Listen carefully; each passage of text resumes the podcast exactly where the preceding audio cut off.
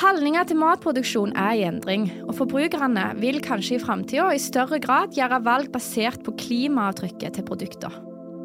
Klimakrisa rammer alle næringer, også jordbruket.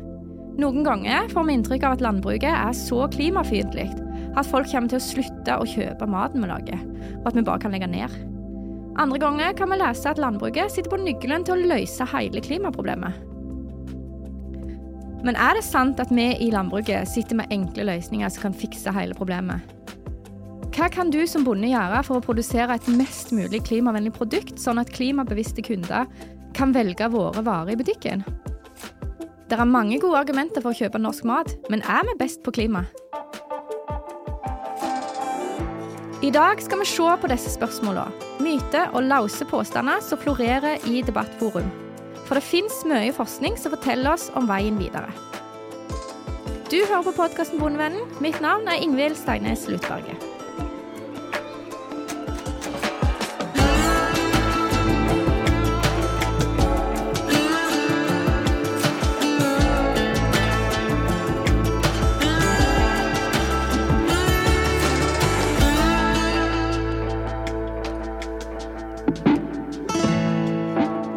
Podkasten Bondevennen blir presentert i samarbeid med Sparebank1 SR-Bank og Tveit Regnskap. Vi bidrar til at bonden lykkes. Det er kun én ting som ligger fast i norsk landbruk, og som har gjort det i hundrevis av år, og det er at landbruket er i konstant endring. Du hører nå Magnus Haugland. For 100 år siden var det å så og høste gras på dyrka mark det var regna som noe nytt og unaturlig. En kalte det for kunsteng. På arealer som en historisk hadde prioritert til kodden, neper og poteter. Kua molkte bare på sommeren, og årsadrotten tilsvarte melkemengden ei melkegeit gjør i dag. Dyrevelferden var elendige. Vi trodde helt til for noen tiår siden at dyra var styrt av noen mer eller mindre magiske instinkter, og at de ikke kunne føle eller oppleve så veldig mye. I dag er det ingen som så mye som heva et øyebryn over at bonden så gras på dyrka mark, eller melka kua si på vinteren. Husdyra skal kunne utføre sin naturlige atferd, og vi er innforstått med at dyra føler og opplever ting like sterkt som oss. Eller at en mann tar seg av molkinga.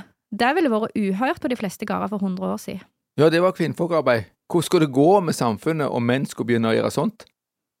Mye som i dag ser på som en selvfølge, ville sjokkert og skremt folk for kun et par generasjoner siden. Menn som melka så enkelte på som et samfunn og oppløsning. Det er bare en generasjon siden besetning på nabogården min gikk til slakt fordi tjenestejenta havna på sykehus og bonden sjøl nekta å gjøre kvinnfolkarbeid. Det er jammen meg godt at samfunnet vårt har forandret seg enormt, til det bedre, på ganske korte tid, men det stopper ikke der. Nei, det stopper ikke der, men å spå hva som skjer i framtida, det kan egentlig ingen gjøre. Det hadde vært fint om for eksempel kunne vite òg om en i framtida kommer til å kjøpe kjøtt, melk og egg fra den norske bonden. Vi kan jo ikke spå, men erfaring har lært oss at det er mulig å se etter trender blant de unge. Det er jo de unge som er framtida, uansett hvordan vrir og vender på det. Skal vi ha en formening om hva småbarnsfamiliene kjøper inn til middag om ti år, så bør vi se på holdningene til dagens ungdom. Vi forventer i tillegg at trender begynner litt tidligere i urbane strøk. Så skal vi ha en idé om hva framtidens familier spiser i dag, bør vi finne ut hva unge, særlig de unge i byene, tenker om kosthold og matvaner. Vi har snakka med Bob van Ort. Han er forsker i Cicero, Senter for klimaforskning. Der har de annet undersøkt folks holdninger til rødt kjøtt. Noen kollegaer av meg her på Cicero de har jo sett på eh, holdninger eh, til rødt kjøtt. Og eh, det er særlig da de under 30 år særlig kvinner, og særlig de med litt høyere utdanning, og også en kombinasjon av disse elementer, Eh, som velger og som er mer villig til å redusere rødt kjøttinntak med tanke på klima. Uh, det er faktisk også en gruppe av de som er eldre enn 60 år, som også uh, er litt mer villig uh, til å redusere kjøttinntak. Eh, det kan hende at de er vant til å spise litt mindre kjøtt fra når de var unge, eh, og gå litt tilbake til den perioden. Eh, innenfor disse grupper så er det ofte òg de med litt lavere inntekt som er mer villig til å spise mindre kjøtt. Og de som bor litt mer sentralt i byene, som er litt mer villig til å redusere kjøtt. Så da har man litt sånn by-distrikt-forskjeller, eh, kan man si òg. De eldste kan altså tenke seg å redusere kjøttforbruket, og det er som Bob sier, mange eldre er nok vane med et betydelig lavere kjøttforbruk fra sin barndom. Kjøttforbruket er historisk høyt i Norge for tida. Det er jo et tegn på velstand. Kjøtt er og har vært og bør være dyr mat. Vi i næringa mener vel egentlig at det er for billig med dagens priser. For noen år siden så kom det studier som viste at av alle landjordas pattedyr, så er kun 4% ville dyr. De resterende 96 av verdens dyr er sauer, geiter, kyr eller mennesker. Vi dominerer verden totalt. Halvparten av verdens beboelige areal er brukt til matproduksjon, og i all hovedsak til husdyr og litt areal til produksjon av menneskemat. Dette arealet vi bruker til å produsere dyrefôr, det er mye mer effektivt enn hva naturen klarer å produsere av dyrefôr på egen hånd. Og Derfor så har vi etter hvert fått mer og mer drøvtyggere, og nå har vi jo milliarder av de. Og det er så mange at metanutslippet fra de faktisk påvirker klimaet. I Norge går antall drøvtyggere svakt nedover, i takt med at hvert dyr produserer stadig mer, så diskusjonen blir litt nyansert om vi ser på Norge isolert. Om en ser på utviklingen i Norge isolert, eller om en er mer internasjonalt orientert og ser på verden samla, vil en nok se ganske ulikt på hva som er viktig for klima og miljø. Og her kan det jo bli kulturkrasj. Ja, hovedregelen er kanskje at hvis en syns at det ellers opplyste, oppegående folk kommer til helt idiotiske konklusjoner, så har en kanskje gått glipp av noe sjøl. Og hvis vi sier at kundene våre er dumme, så er vi på ville veier. Dårligere reklame for norsk mat, det fins ikke. Undersøkelsene til Cicero bekrefter antakelsene om at særlig unge kvinner i byene vurderer å redusere kjøttforbruket. Det tyder nok på at norske familier kommer til å ete noe mindre rødt kjøtt i framtida. Men endringer tar tid, og det at en vurderer noe, det betyr ikke nødvendigvis at en gjennomfører det. Samme, samme, rapporten, samme analyse, den mener at det er mange i det norske samfunnet som mener at de har et ansvar for å støtte klimapolitikk så for å gjøre noen ulike tiltak som har med å redusere utslippene å gjøre. Og mens vi ser da at det er særlig den høyutdannede kvinner under 30 år særlig, som kan se for seg å spise litt mindre rødt kjøtt, så ligger nok ikke rødt kjøtt-reduksjon høyt på lista. Det er ofte andre tiltak som folk er litt mer villig til å gjøre. Det er en annen studie som sammenligner Norge og en haug med andre land rundt omkring i verden, som blant mange spørsmål også stilte spørsmålet hvor villig er du for å spise mindre kjøtt og erstatte det med f.eks. belgfrukter for å redusere klimagassutslipp. Og I den studien fant de at Norge ligger på rundt 34 mot f.eks. Mexico eller Peru, som har 60-65% villig antall respondenter til den undersøkelsen da, som er villige til å redusere kjøtt og bytte det ut med noe annet. Så globalt sett ligger Norge egentlig ganske lav med den villigheten til å redusere kjøttforbruk. Så klima er nok ikke det elementet som man lettest kobler mot altså klima og kjøttforbruk. Det er ikke der den eh, norske befolkningen fokuserer mest, egentlig. Så vi kan konkludere med at det ser ut til å være etterspørsel etter rødt kjøtt her til lands i overskuelige framtid. Vi kan konkludere med at er du interessert i å drive med sau eller ku, så virker det ikke som markedet skal forsvinne med det første. Vi har jo mange gode argumenter for at forbrukeren skal velge norsk kjøtt i stedet for utenlandsk. Vi er best i verden så velg norsk, sier vi. Og vi er jo best på mange ting, f.eks. lågt antibiotikaforbruk, dyrevelferd men er vi best på klima? Hva sier Bob om norsk husdyrproduksjon? Hvis man ser på måte man produserer eh, eh, husdyrprodukter på i Norge, det er jo forholdsvis bra.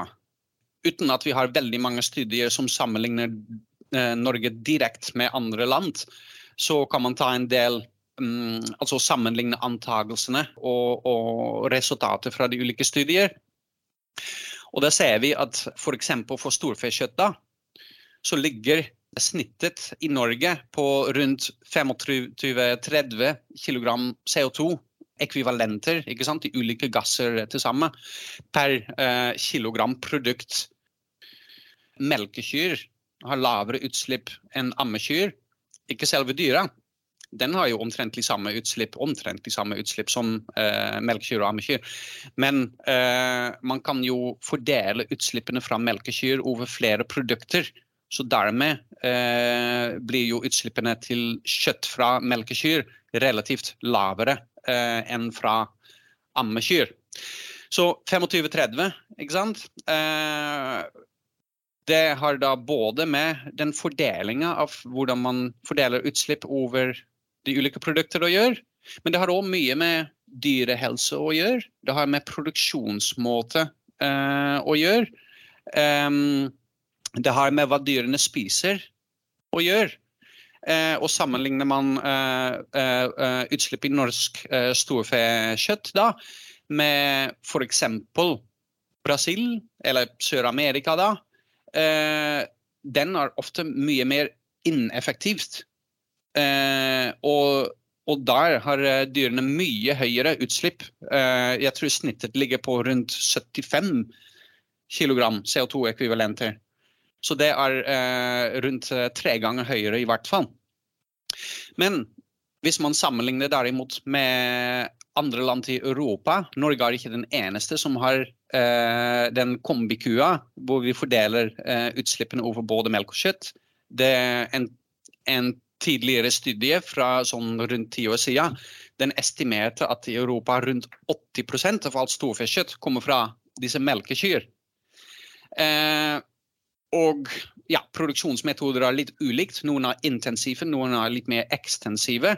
Men eh, stort sett ligger utslippene i Europa ganske lave i forhold til resten av verden. Rundt ja, mellom 18-20 eh, kg CO2 eh, ekvivalenter per kilogram produkt.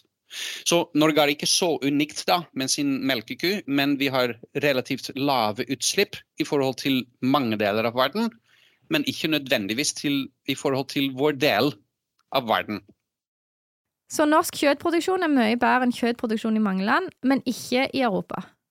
Likevel er norsk kjøtt lokalprodusert. Det blir ofte brukt som argument for norsk kjøtt og norske varer. Facebook flomma innimellom over av relativt utrolige innlegg om hvor mye f.eks. containerskip forurenser. Virkeligheten er dessverre ofte hakket kjedeligere. Det er uh, absolutt mye viktigere hva slags mat uh, man produserer, enn uh, selve transporten. Transport uh, i snitt utgjør en veldig lav andel av de totale matutslippene. Hvis vi ser på norsk forbruk, det vi, det vi spiser i Norge, som er en kombinasjon av norskprodusert og import, så utgjør transport rundt 10% av våre totale matutslippene den, den persentasje, altså hvor, den andelen, hvor høy eh, andel transport utgjør efter totale utslippene for, per produkt, den er litt høyere for planteprodukter. Og den er lavere for husdyrprodukter, særlig mer høy, altså høy utslippskjøtt da. Men siden planteprodukter har mye lavere totalutslipp, så er det, selv om den presentasjen av transport er høyere, så er totalet mye lavere. Så det, det som er med transport, er at den transportmåte, den betyr egentlig veldig mye. En transport med båt over eh, lang distanse, båten gir jo mye utslipp, men den har en svært lasterom. Så de utslippene fordeles over utrolig mange produkter. Og dermed blir den transportandelen eh, i disse produkter mye lavere. Ser man derimot på en, på en lastebil med lokaltransport type ting, så har den mye lavere lagringskapasitet. Og Norge er jo et stort land for så vidt òg, eh, så lastebiltransport kan, kan, kan, bli en del kilometer. Så der blir innenfor Norge faktisk den lokaltransporten kan bidra mye mer enn den langdistansetransporten. Så eh, for å oppsummere litt der, transport utgjør en relativt lite andel. Har egentlig ikke så mye å si. Det er mye mer viktig hva slags mat man snakker om, en tomat vil alltid ha lavere utslipp enn storfekjøtt. Altså to forskjellige produkter, jeg skjønner, men, men det er i prinsipp, altså det prinsippet som gjelder her. Um, og transportmåte er veldig viktig her. Så lastebiler mye høyere utslipp enn uh, båt eller tog, da. Så vi skal ikke fokusere for mye på hvor langt vekke maten er produsert. Det er altså mye viktigere at maten vi kjøper er produsert på en klimavennlig måte. Det betyr at for å nå klimabevisste kunder, så må vi produsere klimavennlig mat. Og den gode nyheten er at norsk landbruk har redusert sine klimagassutslipp med 6% siden 1990. Utviklingen fortsetter, og det er ingen grunn til at den skal gå seinere nå når landbruket har inngått en klimaavtale med staten. Vi kan jo lure på om dette har så mye å bety, siden norsk landbruk står for en relativt liten andel av de norske klimagassutslippene. Eh, man ser jo ofte eh, at man sammenligner jordbruket sine utslipp som en prosentandel av de totale nasjonale utslippene. Som da i Norge ligger på rundt 8,5-9 av de totale nasjonale utslippene. Eh, og det eh, gir kanskje et litt misvisende bilde av hva de faktiske utslippene er eh, relatert til, eh, til, eh, til, matproduksjon, til jordbruket. Eh, fordi en sånn prosent er jo veldig avhengig av de, hvor høy de andre utslippene i andre industrier eller sektorer eh, er. Hvis man har høye utslipp fra olje og industri, så blir jo jordbruket forholdsvis mindre. Så det er litt misvisende, da. Så jeg ville i, i, i utgangspunkt eh, fokusere på den type produksjon man har i, i Norge, som, eh, som, er husdyr, stort sett. Eh, og det ligger i det høyere sjiktet, da. Denne episoden er sponsa av Felleskjøpet Rogaland Agder. Felleskjøpet arbeider hver dag for din lønnsomhet som bonde, og for lokal og norsk matproduksjon.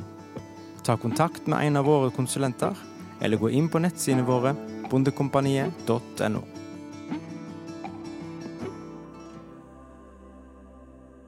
I Norge har vi høye klimagassutslipp i forhold til våre naboland.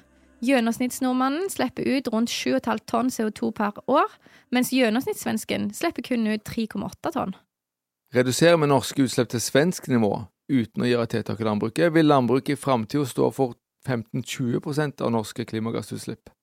Målet er at norske utslipp skal ned til null. Og siden vi samtidig skal ha matproduksjon, så må vi forvente at utslipp fra matproduksjon vil utgjøre en stor andel. Innimellom dukker det opp stemmer som sier at landbruket kan løse verdens klimaproblemer, og det med relativt enkle tiltak. Ja, og det er ofte knytta til binding av karbon i jord, for jord inneholder enorme mengder karbon. Særlig en del representanter for regenerativt landbruk hevder å sitte på løsninga.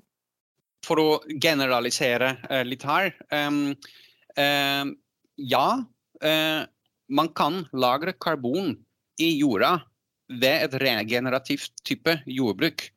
Det kan både være eh, husdyrhold, som bidrar til karbonlagring i jord. Det kan også være planteproduksjon, selv om man, hvor man bruker kompost. Man trenger heller ikke husdyr for å kunne bygge opp den karbonlagret. Så det er ulike måter, regenerative, som bygger den karbon og den jordhelse opp på ulike måter. Eh, om det eh, kan løse klimaproblemet, det vil jeg si en bestand nei. Um, fordi karbonlagringa har, eh, den har begrenset over tid. Eh, det har veldig mye å si om jorda er i utgangspunkt veldig utarma for karbon, eller om den er allerede ganske mettet. I Norge har vi ikke veldig godt kartlagt hvordan karbonsituasjonen er eh, over eh, alle de ulike typer jord vi har eh, i Norge. Eh, men eh, generelt sett er det eh, ikke så veldig ut, utarma jord i Norge. Og det vil da si at man får heller ikke så meget stort bidrag av regenerativ jordbruk for å øke den karbonmengden igjen. Fordi det har, har allerede mye karbon i seg. Det er mange studier som da eh, har sett på den karboneffekten når man har regenerativt jordbruk. De tar med seg den karbonbindinga Eh, særlig den i begynnelsen, når, når, man bygger litt opp litt raskere. Og de har ekstrapolert det over jeg vet ikke, uendelig tid. Og da ser det ut at dette her kan eh, funke bra og, og, fange opp masse jord, eller karbon da, fra, fra atmosfæren igjen. Eh, jeg forklarte jo at uh, dette her uh, går ikke i uendelig tid. Uh, så det etter hvert blir jorda mette, så, så, blir det ikke noe ekstra karbonfangst derifra.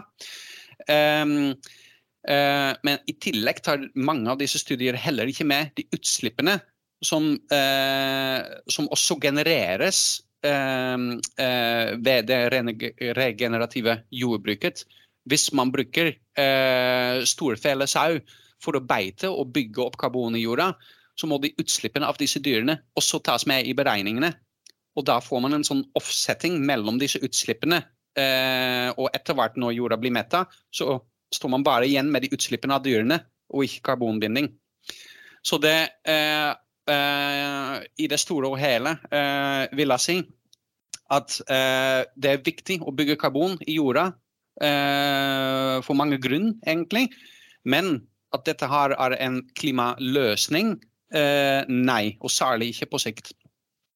Ok, regenerativt landbruk er nok ikke løsningen på klimakrisen, men det kan være andre interessante argumenter for å drive regenerativt, som forbedra jordliv og biologisk mangfold. Det er spennende å møte på folk som tør å tenke annerledes. Men vi må nok innse at vi fortsatt må basere oss på landbruk som satser på forskningen som er gjort rundt i verden de siste århundrene. For forskning har revolusjonert landbruket og mangedoblet avlingene og ytelsen på få tiår. Uten f.eks. kunstgjødsel så svelter store deler av verdens befolkning i hjel. Et stort problem med en del av disse alternative dyrkningsmetodene er at de får en stor avlingssvikt sammenlignet med hva som er forventa i moderne jordbruk. Vi finner ikke avlingstall for de ulike retningene innen regenerativt landbruk, men på økologisk har vi sett at det ofte er et avlingstall på rundt 40% og her finnes det mye tall, så det er vi ganske sikre på. Det er helt sant. Det mangler tall på regenerativt landbruk, og når jeg har spurt enkeltbønder, har jeg ikke fått annet svar enn at de jobber med å finne ut hvordan de kan få opp avlingene. Derfor vil jeg anta at disse avlinger som økologisk bruk, eventuelt litt lavere. Halvparten av verdens beboelige areal er i dag brukt til matproduksjon. Hvis vi antar at regenerativt landbruk gir en tilnærmet halvering av matproduksjon, skal det i teorien være mulig å forsyne verdens befolkning med mat, men da må vi hogge ned alt av verdens skoger og dyrke opp alt tilgjengelig villmark. Men det vil jo ha enorme miljøkonsekvenser, så vi kan jo ikke kun tenke på klima. Og det vil jo gi utslipp å gjøre naturen om til jordbruksareal. Bare hør på Bob. Arealendringer pleier å gi utslipp, fordi man dyrker opp et nytt areal. Man frigjør mye karbon i denne prosessen. Eh, det er litt avhengig av hva slags arealendring man snakker om. Er det et skog som man dyrker opp til jordbruksareal? Er det et myr som man dyrker opp til eh, jordbruksareal. Eh, det er litt ulike mengder karbon i disse ulike landskapstyper. Og dermed litt, litt forskjellig eh, karboneffekt, utslippseffekt, når man dyrker dette opp. Så det er en del utslipper lenka opp mot akkurat den landskapsendring, den arealendring. Men så kommer det jo en del utslipp deretter, når man en gang setter i gang med, med dyrkning av det arealet. Og da er det jo veldig avhengig igjen hva man eh, produserer på det arealet, hva slags klimaeffekt det igjen har. Det kan enten gå via, via utslipp, altså når man, når man, dyrker planteprodukter eller, eller om man har eh, husdyrhold på disse arealer. Det er ulike utslipp knytta til det da, eh, igjen. Men over det store og hele eh, så betyr arealendringer det betyr økte utslipp. Og når man sammenligner den totale karbonmengden som ligger der, hva som er bra for klimaet ikke sant? Skog har relativt mye karbon. Både under jorda, i rotesystemer og, rotsystemer og, og i jorda. Eh, og over jorda, den biomassen som står der. Gressareal eh, kommer egentlig nest, nest. Da er det òg eh, mye karbon både i rotsystemet, men det er mye tynnere eh, lag, kan man si, eh, pluss den eh, biomassen. Og så kommer jo eh, til slutt eh, den jordbruksareal hvor man dyrker. Eh, der utarmer man egentlig jorda over tid ved at det produseres mye planter som tar opp karbon fra jorda, som man da mister over tid. Så det er litt eh, uh, ulikt karbon i ulike typer eh, areal. Men eh, jeg vil si at naturlig areal er egentlig det mest karbonholdige. Eh, og så kommer jo eh, ja, ulike brukstyper deretter. OK, skog er der arealet som inneholder mest karbon, deretter grasareal, og til slutt åkerland, hvor vi dyrker etterige vekster. Av skogen så er det kun ung, veksende skog som binder karbon. Gammel skog kan inneholde mye karbon, men den er i balanse, så den binder ikke noe nytt karbon. I media sies det at regnskogen er verdens lunge, men det er feil. De eneste arealene som binder karbon, er havet, myrene og ungskogen. Siden Norge var nokså avskoga for mange år siden, så har vi mye ung skog som binder karbon helt fram til den er utvokst.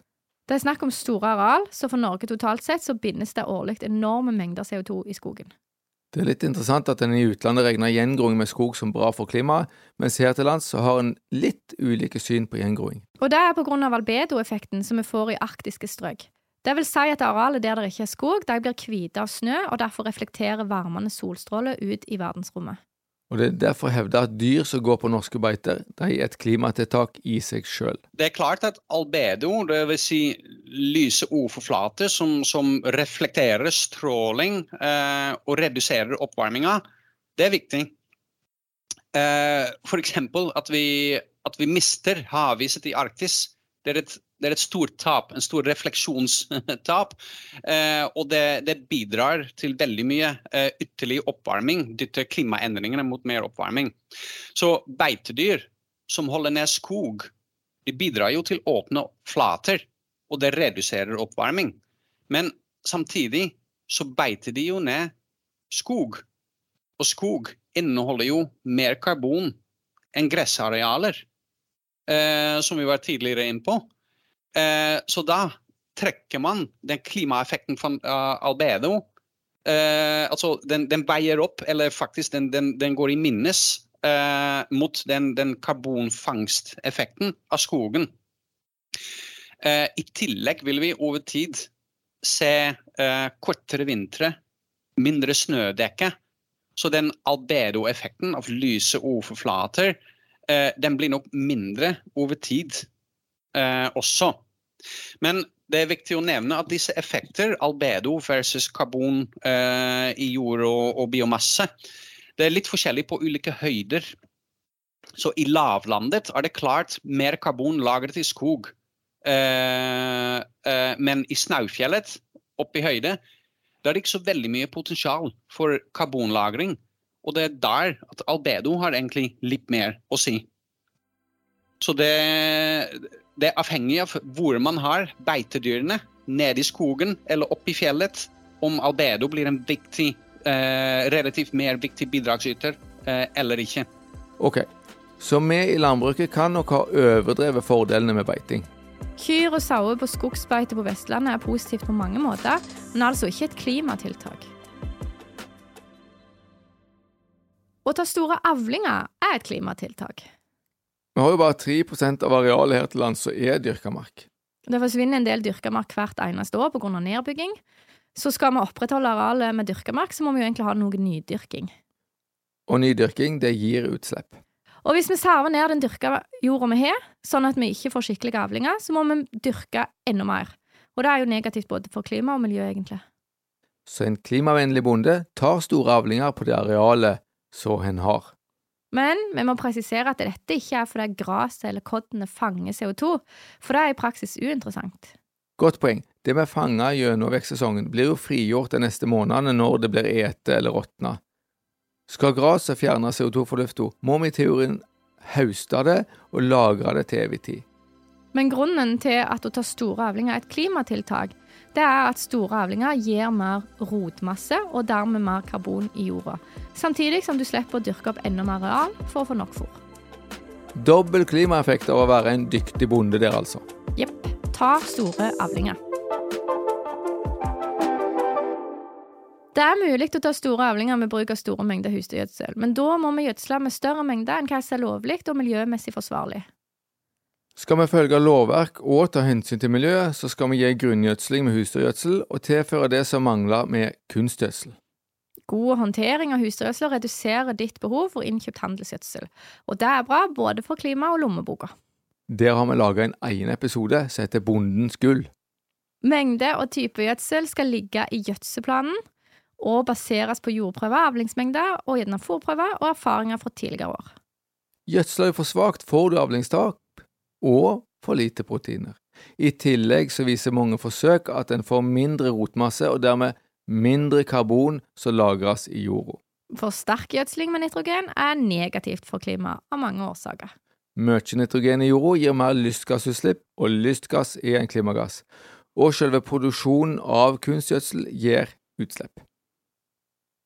Tegn på at du gjødsler for mye med nitrogen, er at gras og kodden legger seg ned, det vi kaller legde, at fòrprøvene viser unormalt mye protein og gjerne nitrat, eller høye ureatall fra analysen av melka du leverer.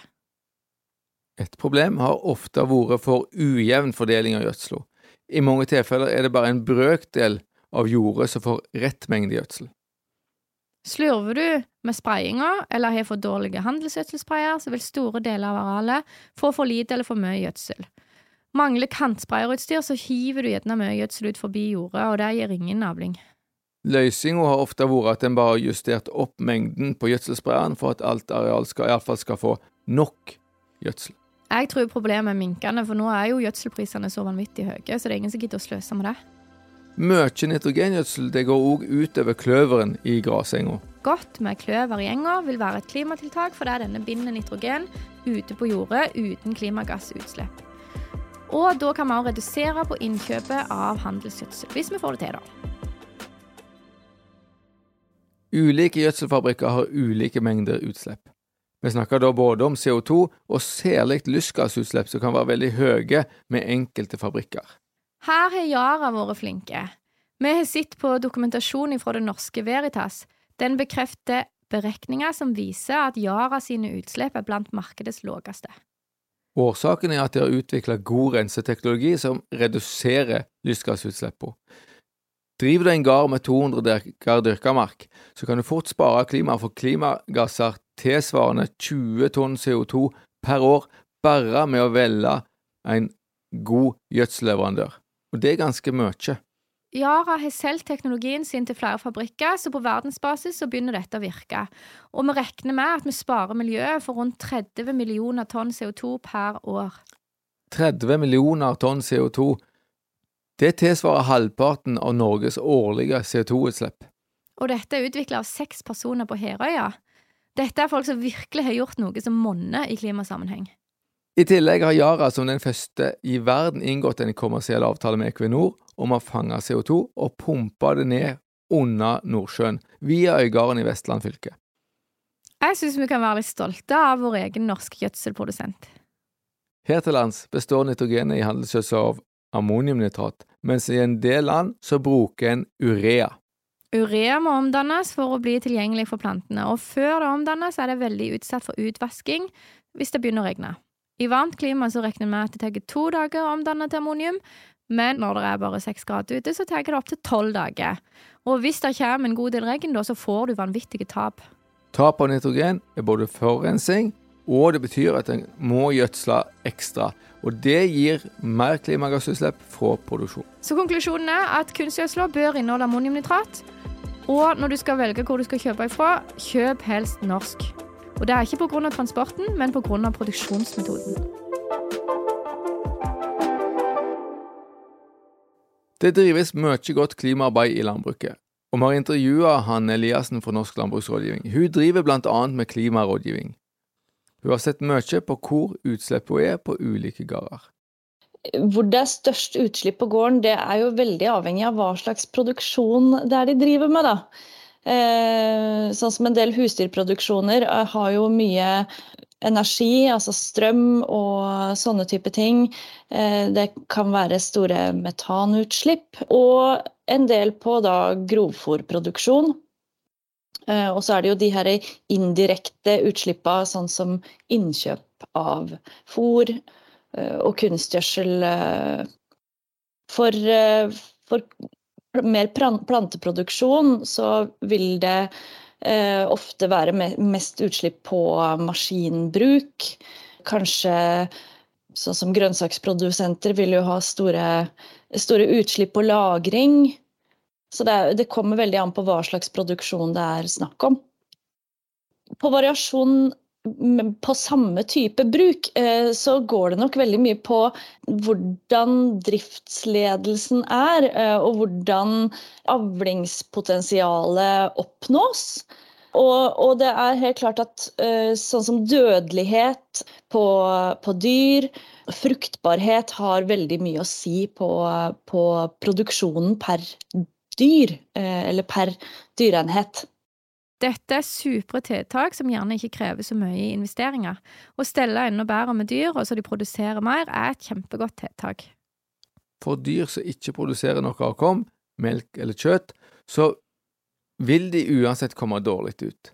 Det trenger vi kanskje ikke forklare, for det blir litt lite volum av varer å fordele klimagassutslippene på. Ja, vi har jo mange podkastepisoder på dette allerede, så det er jo litt lett for at vi sitter og gjentar oss sjøl her. Og flere er på vei. Egentlig kunne vi nesten kalle alle episodene våre for klimaepisoder, for det handler jo om god agronomi. Vi kommer hele veien tilbake til at klimatiltak ofte er økonomisk lønnsomme tiltak. Hanne har òg kommet fram til den konklusjonen. De fleste klimatiltak er jo også økonomiske tiltak, eller tiltak som optimaliserer drifta. Så eh, jeg kan ikke komme på noe klimatiltak som ikke også vil være et økonomisk tiltak. Klimatiltak er jo tiltak som gjør at du produserer mer per utslipp. Og det, det, går jo ofte på å øke avlingene, optimalisere drifta, ha god jordhelse. Eh, og jeg kan jo nevne et tiltak som veldig ofte eh, kommer opp som aktuelt, det er jo kalking. Eh, som er et eh, Det er jo en utgift, helt klart, men man ser jo også at det bidrar i så stor grad til avlingsøkning at, at det er et økonomisk tiltak. Det siste du nevner er jo fantastisk. Er det for surt, så er det bare å strø på kalk. Ring entreprenør, få det på plass, og det er lønnsomt i tillegg. Men her er òg et dilemma, som vi ofte prøver å unngå å tenke på, og som ikke passer helt i fortellinga. At kalken frigjør mye CO2? Yes. Kalk inneholder store mengder gammel karbon som havet tidligere har fanget og lagret som kalk. Dette er enten i form av skjellsand eller kalkstein som vi knuser og sprer ut på jorda vår. Når du kalker, blir omtrent halvparten om til CO2 ute på jordet. Kalking det regnes som et godt klimatiltak uansett. Si det øker avlingene. Akkurat som når vi kjøper inn gjødsel for å kunne ta ut større avlinger. Kalking er bare en liten del av det som skal til for å få en jord som gir gode avlinger. God drenering er en forutsetning, minst mulig jordpakking, og dette er jo de fleste bøndene opptatt av. Innhold av organisk materiale i jorda er òg viktig i klimasammenheng. Jord som inneholder en god del organisk materiale, heller bærer på både vann og næringsstoffer. I tillegg består organisk materiale av karbon, så jord som inneholder mye karbon, sparer med andre ord atmosfæren for store mengder CO2. Ekstremvarianten her, det er myra. Den består av metervis av organisk materiale som ofte heller for godt på vannet. Myr vokser naturlig opp der så det er veldig fuktig. Daude planter blir liggende i et oksygenfattig, ofte surt og vannmetta miljø. Det råtner det ikke opp, men hoper seg opp i flere meter tjukke lag. I praksis så fanges enorme mengder CO2 fra atmosfæren på denne måten og lagres som det vi kaller myrjord. For et par generasjoner siden, når skogen var utrydda i deler av landet, så spadde en opp myrjord og fyrte med den i stedet for ved. Da slapp en ut karbon som kunne vært lagra til evig tid i myra. Fyrer vi derimot med ved, så regnes det ikke som klimagassutslipp, for da regner vi med at skogen vokser opp igjen etter relativt korte tid. Vi fyrer ikke lenger med myrtov her til lands, men vi har laga oss nytt problem – drenering. Etter at vi fått teknologi til å drenere myra, så har mye sånn et areal blitt dyrka opp og drenert. Og dermed så slippes det til luft, og myra råtner vekk, og vi slipper ut CO2 i atmosfæren. Dette ser vi veldig godt i myr som er dyrka opp for noen tiår siden. Den ligger mye lavere i terrenget, og ofte kommer dreneringsanlegget opp i dagen, selv om det en gang ble lagt på en meters dypne. Her snakker vi om store mengder CO2 som forsvinner opp i lufta hvert år. Det er like forurensende som å brenne kål. Utslippet beregnes når vi dyrker opp myra for første gang. I utslippsregnskapet så regner vi ikke som en del av landbruket, men som en arealbruksendring. Realiteten er at mye dyrka mark er vanskelige myr, som er ekstremt dyr og krevende å drenere. Drifta på sånn jord er vanskelige. Noen ganger så kommer de jo ikke utpå å få tatt avlingen engang. Vanligvis drives det med grasproduksjon, men resultatene er dårlige. Både volum og kvalitet er for variabelt på gresset som blir høstet. Når en i tillegg vet at arealene så dette slipper ut mye CO2, så burde disse myrene vært gravd ned, og det burde vært grovet opp faste masser fra undergrunn og lagt oppå toppen. Det vi kan kalle spavending av myr. Ja. Dette hadde jo et supert klimatiltak. Ikke bare hermetiserer vi da myrjorda sånn at du ikke lenger råtner, men vi får opp et lag med undergrunnsjord, så vi kan begynne å lage ny matjord og binde karbon. Erfaringene med dette i praktisk drift er kjempegode, og forsøk viser at det fungerer. Så har du mye myr, vil nedgraving, altså spavending av myra, ofte være der klimatiltaket sier aller størst utslippsreduksjon på gården din.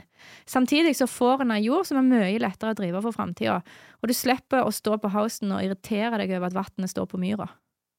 Det som er litt synd, er at dette ikke ble verdsatt som klimatiltak. Hadde en fått regna dette som karbonlagring, burde vi fått rikelig betalt for tiltaket.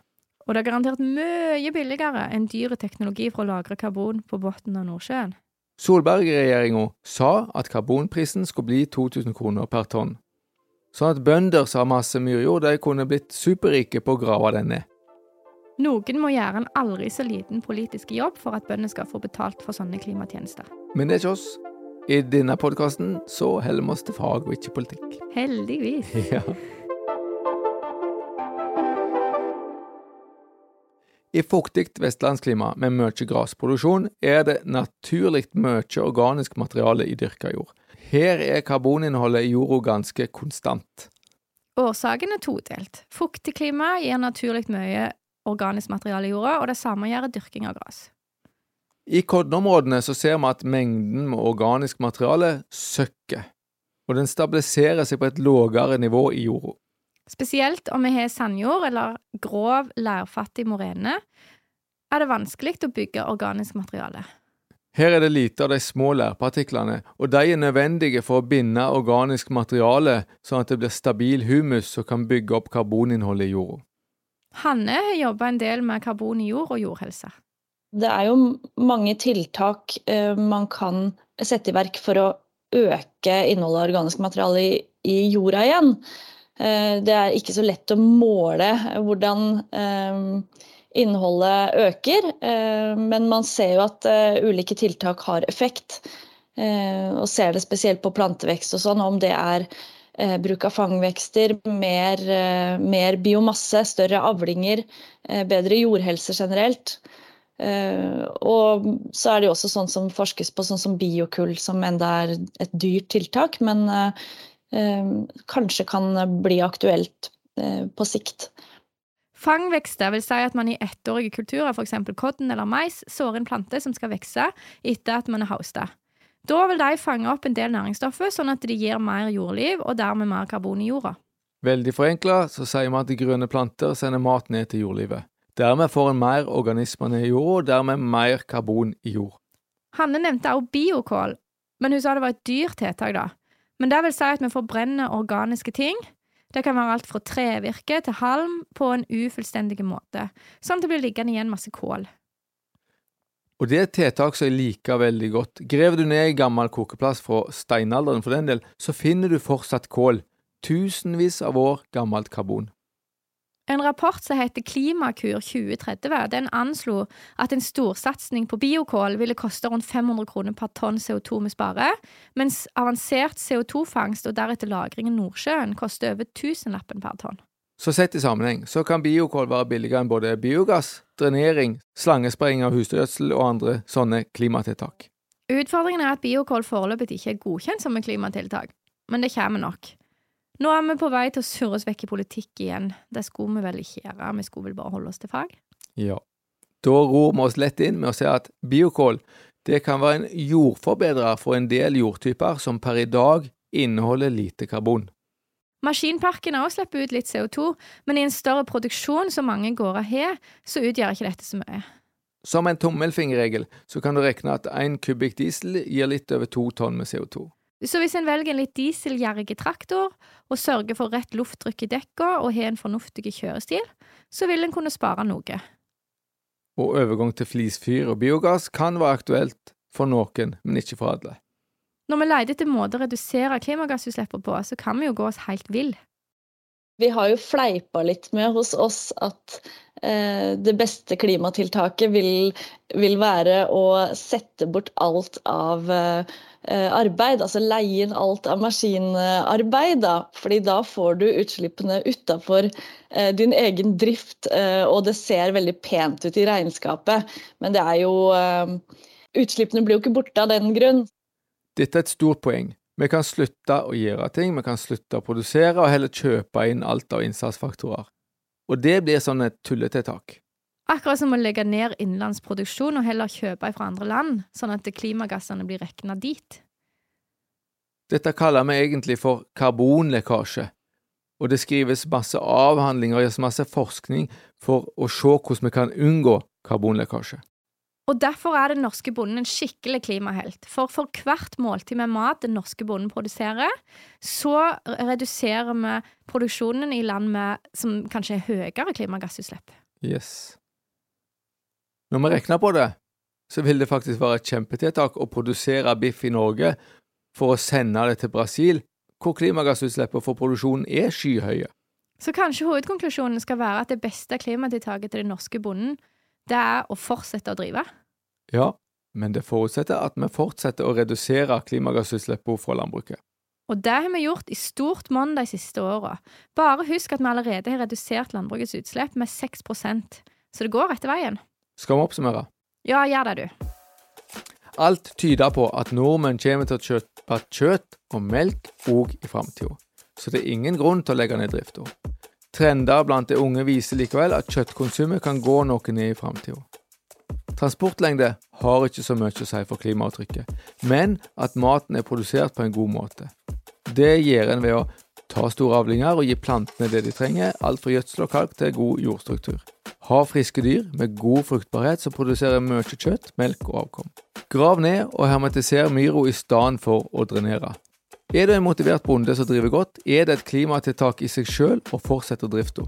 Klimaet på kloden vår trenger dyktige bønder.